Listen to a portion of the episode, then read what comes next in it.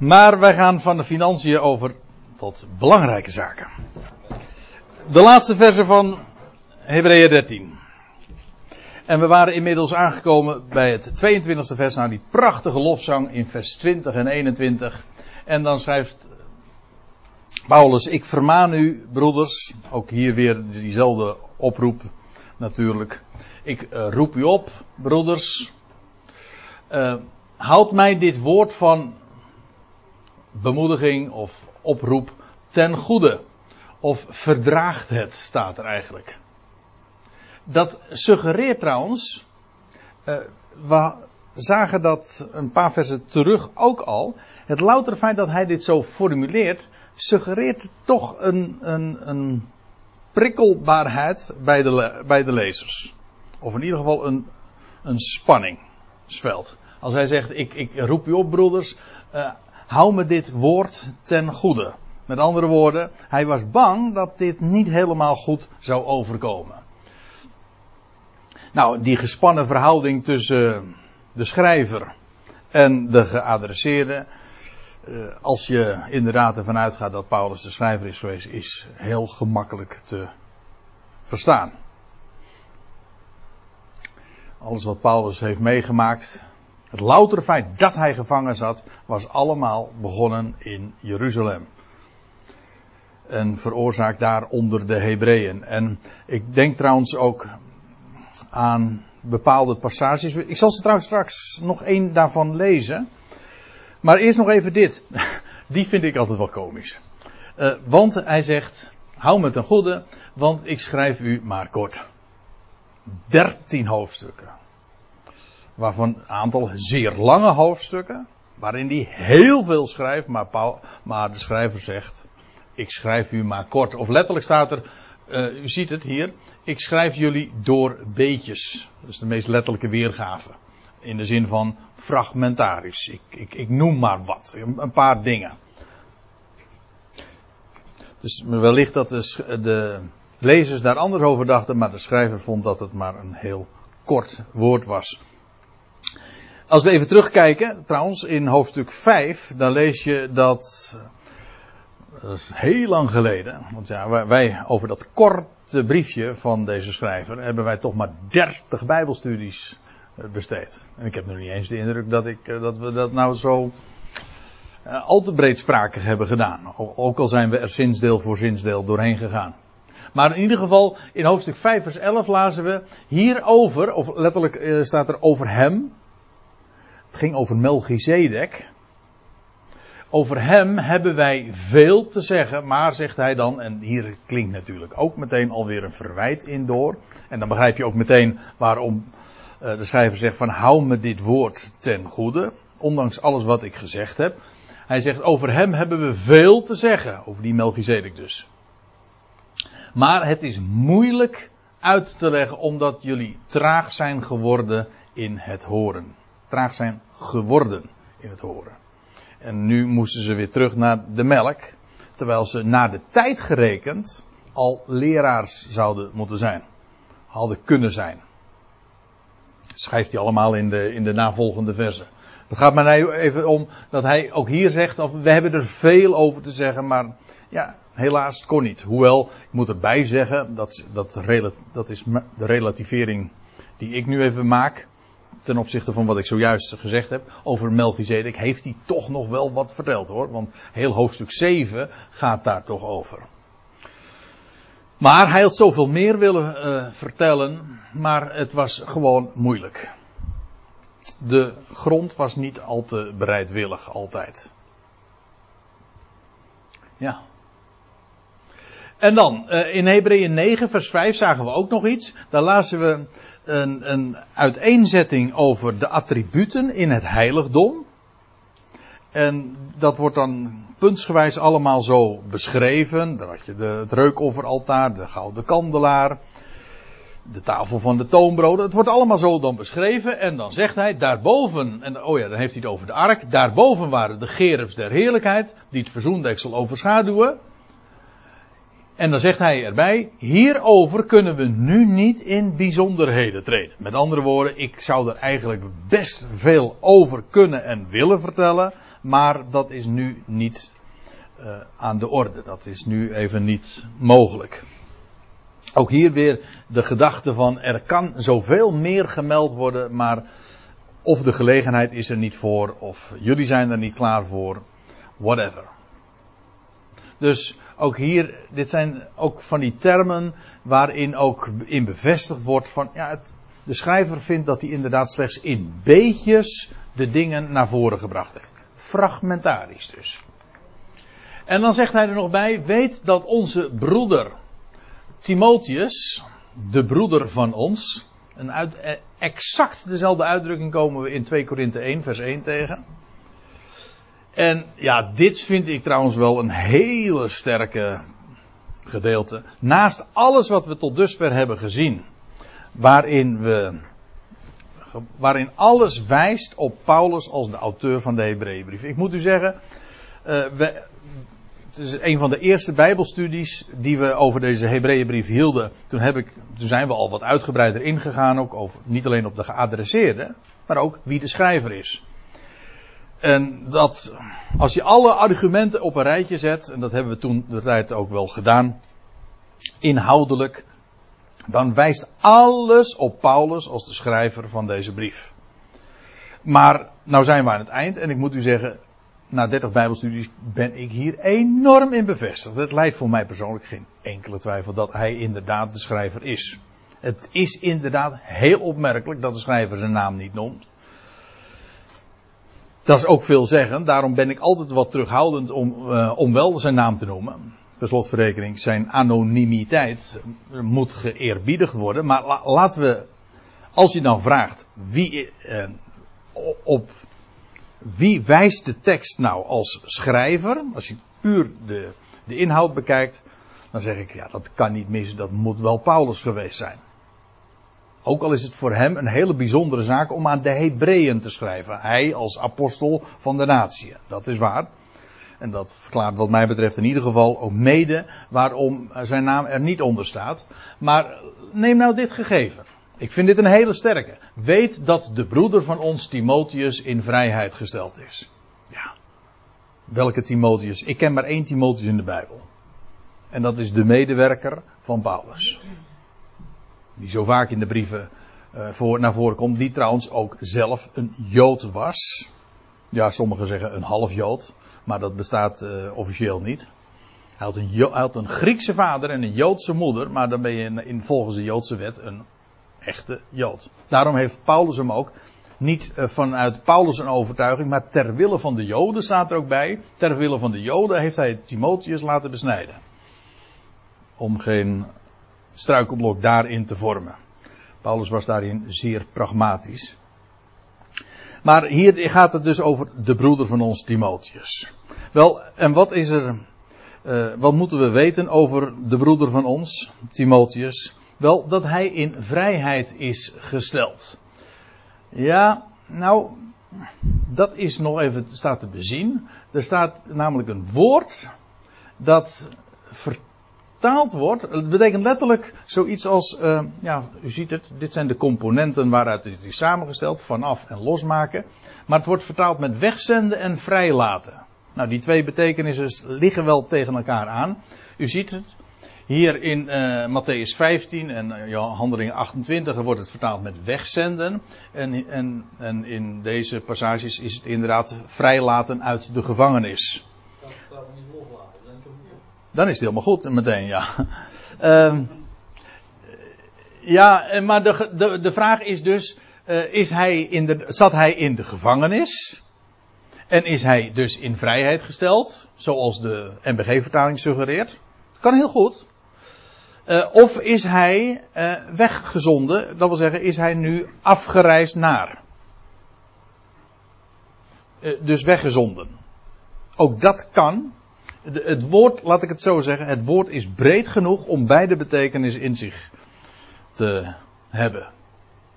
Dus dat laten we eventjes in het midden. Hij is in vrijheid gesteld of hij is weggezonden. Uh, losgemaakt, ja, zoals Fred zegt, dat uh, is dan nog het beste. Ook al is het niet zo uh, fraai Nederlands. Hè? Ja, de Statenvertaling geeft dat zo weer. Ja, nou, dat is keurig. Het is, niet zo, is niet zo gek hoor, Fred, dat die vertaling al vier eeuwen oud is. Hè? En die gaat nog wel even mee, ja. Nou ja, en als hij spoedig komt, zal ik met hem u bezoeken. Nou, we zagen al een paar versen eerder dat de schrijver kennelijk zelf ook uh, gevangen zat. En nu kennelijk van Timotheus, die is in vrijheid gesteld. Nou ja, ik zei al, uh, dat zeg ik met een slag onder de arm, maar in ieder geval, hij, hij is afgereisd. Uh, en als die spoedig komt, of als die in dat geval sneller komt, staat er, en dan zal ik met hem u bezoeken. En dan, zegt, dan gaat hij nog verder. Dit zijn echt de laatste woorden van de brief. Groet al uw voorgangers.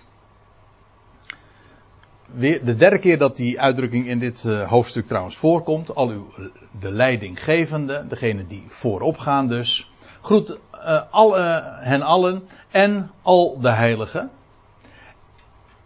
En de broeders uit Italië laten u groeten. Dit is trouwens een, een hele interessante schriftplaats, of een interessante statement, want dit vertelt ons vooral uh, van waaruit deze brief kennelijk is geschreven.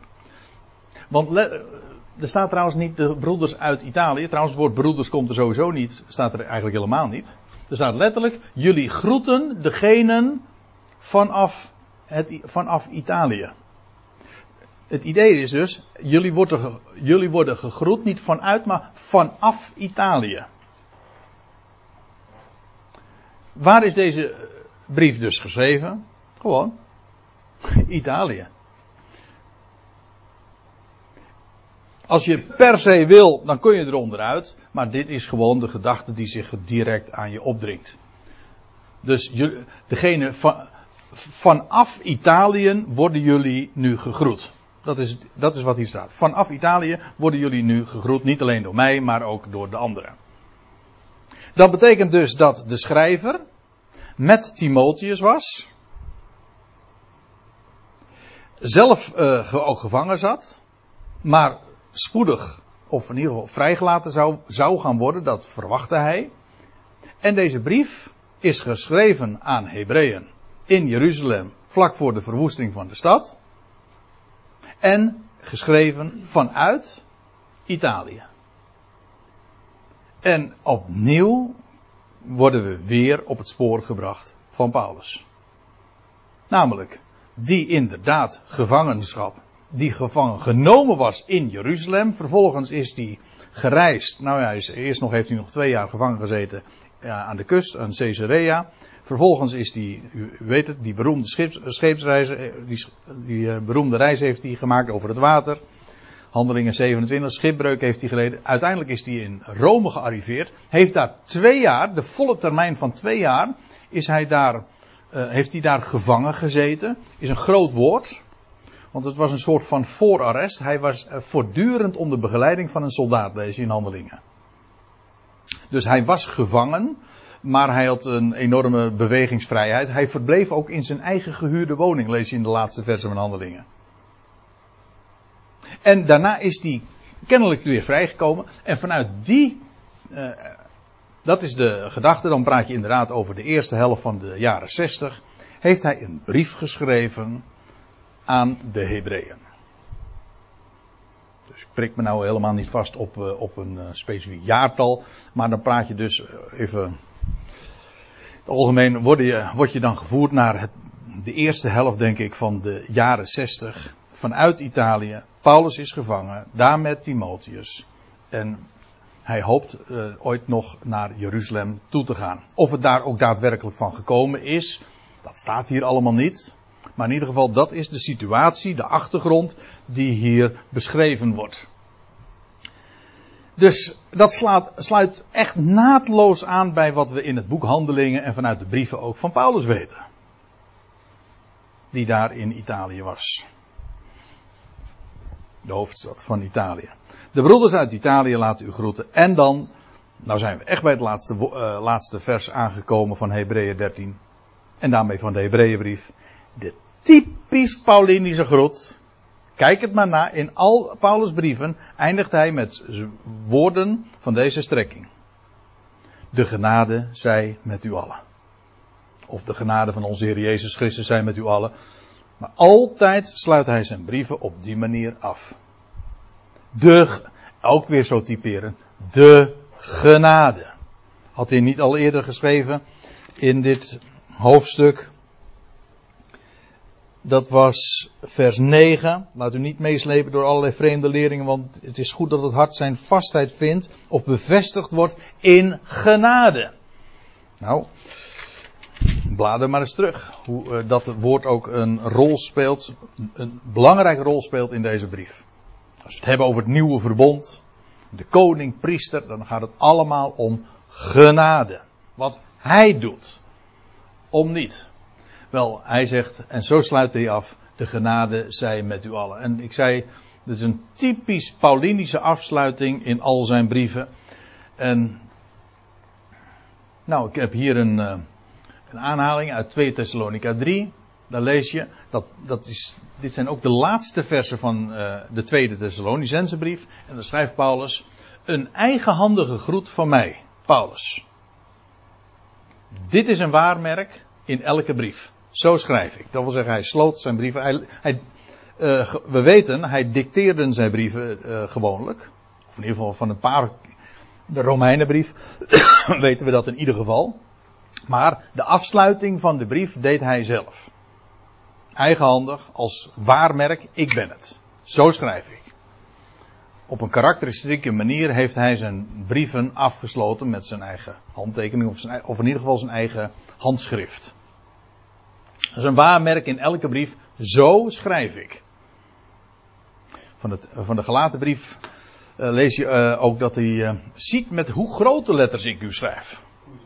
Koeienletters, ja. En dat bevestigt trouwens ook weer een andere suggestie die zich ook heel iedere keer aan je opdringt. Namelijk dat Paulus een oogkwaal heeft gehad. Dat zodat hij tegen de gelaten zegt van nou als het, jullie houden zoveel van mij, hielden zoveel van mij. Als het mogelijk was geweest, hadden jullie je ogen uitgerukt en aan mij gegeven. Vanwaar, ja, hij had een oogkwaal. Kennelijk. Als je mij vraagt, heeft hij die overgehouden ooit van dat verblindende licht, waardoor hij een paar dagen ook letterlijk blind was. Maar misschien zeg ik nu te veel, maar goed. Dat zou zomaar kunnen. Dat is in ieder geval wat ik weet wat er gebeurd is met de ogen van Paulus.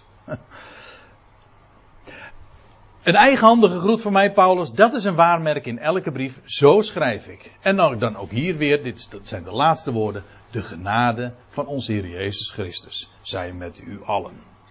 Ook de wijze dus waarop de brief aan de Hebreeën wordt afgesloten, is weer een hint, een heenwijzing naar het Paulinisch auteurschap. Dat wil zeggen, Paulus die deze brief heeft geschreven. En uh, en misschien, dat is dan het laatste. Ja, het is tien over half uh, tien. Maar ik wil u nog even wijzen. Ik heb geen uh, schriftplaats uh, of geen dia daarvan. Maar ik kan het u wel even laten zien. Ik heb een nieuwe laptop en daar staat ook het nieuwe ISA-programma op. Dus ik kan het u meteen interlineair laten zien. Maar dan gaan we naar 2 Petrus 3. En dan lees je.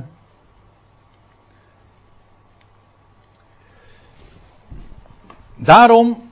Oh, nou, ik moet iets groter maken, anders ziet u het natuurlijk niet.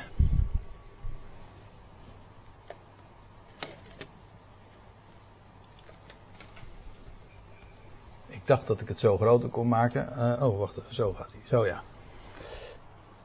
Ja. Daarom, kunt u het zo een beetje lezen? Daarom, geliefde, dit is de wijze waarop Petrus zijn brief afsluit.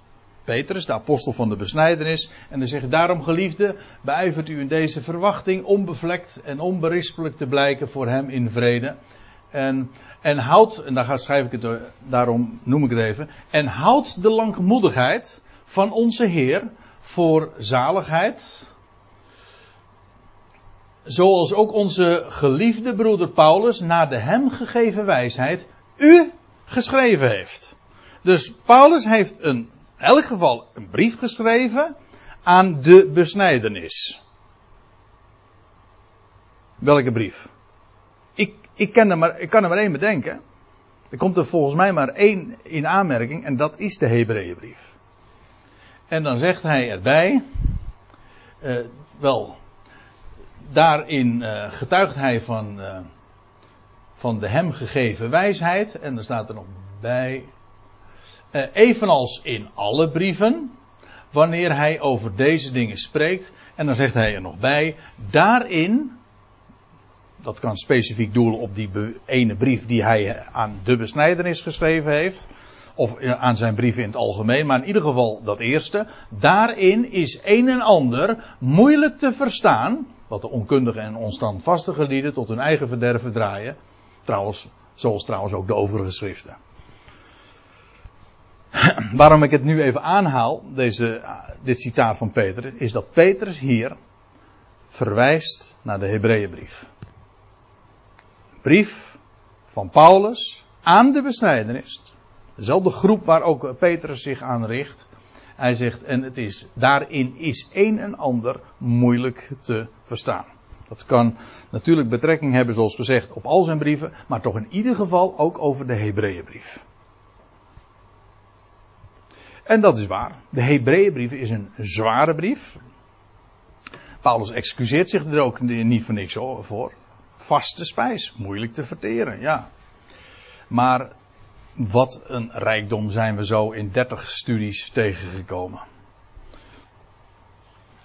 En zal ik dan eh, de brief nog eens, eh, zal ik de brief eens samenvatten. Als, als u nou één kerntekst zou moeten noemen van de Hebreeënbrief, wat het nou samenvat, dan zou, wat zou u zeggen?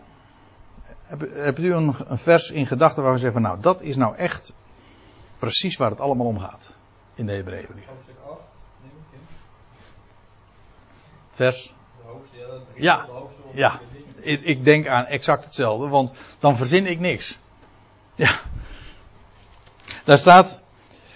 De hoofdzaak van ons onderwerp is dat wij zulk een hoge priester hebben, die niet alleen hoge priester is, maar ook koning, namelijk naar de ordening van Melchizedek. De hoofdzaak nu van ons onderwerp is dat wij zulk een hoge priester hebben, die gezeten is, nu, tegenwoordige tijd, die gezeten is ter rechterzijde van de troon der majesteit in de hemelen, bedienaar is van het heiligdom, dat wil zeggen nu dienst doet in het heiligdom, in de ware tabernakel die de Heer opgericht heeft, niet een mens. Dat is de hoofdzaak. De koning-priester die verborgen is voor het oog, jawel, maar daar nu is en straks zal verschijnen. Nou, daarover gaat deze brief en in alle toonaarden wordt daarvan getuigd. En zo hebben we dat in 30 studies zo vers voor vers allemaal besproken. En zo zijn we gekomen bij. Uh, volgende week. Nou, dat zou wel een goed idee zijn. Ed, die houden we erin. Ja. Zo ging het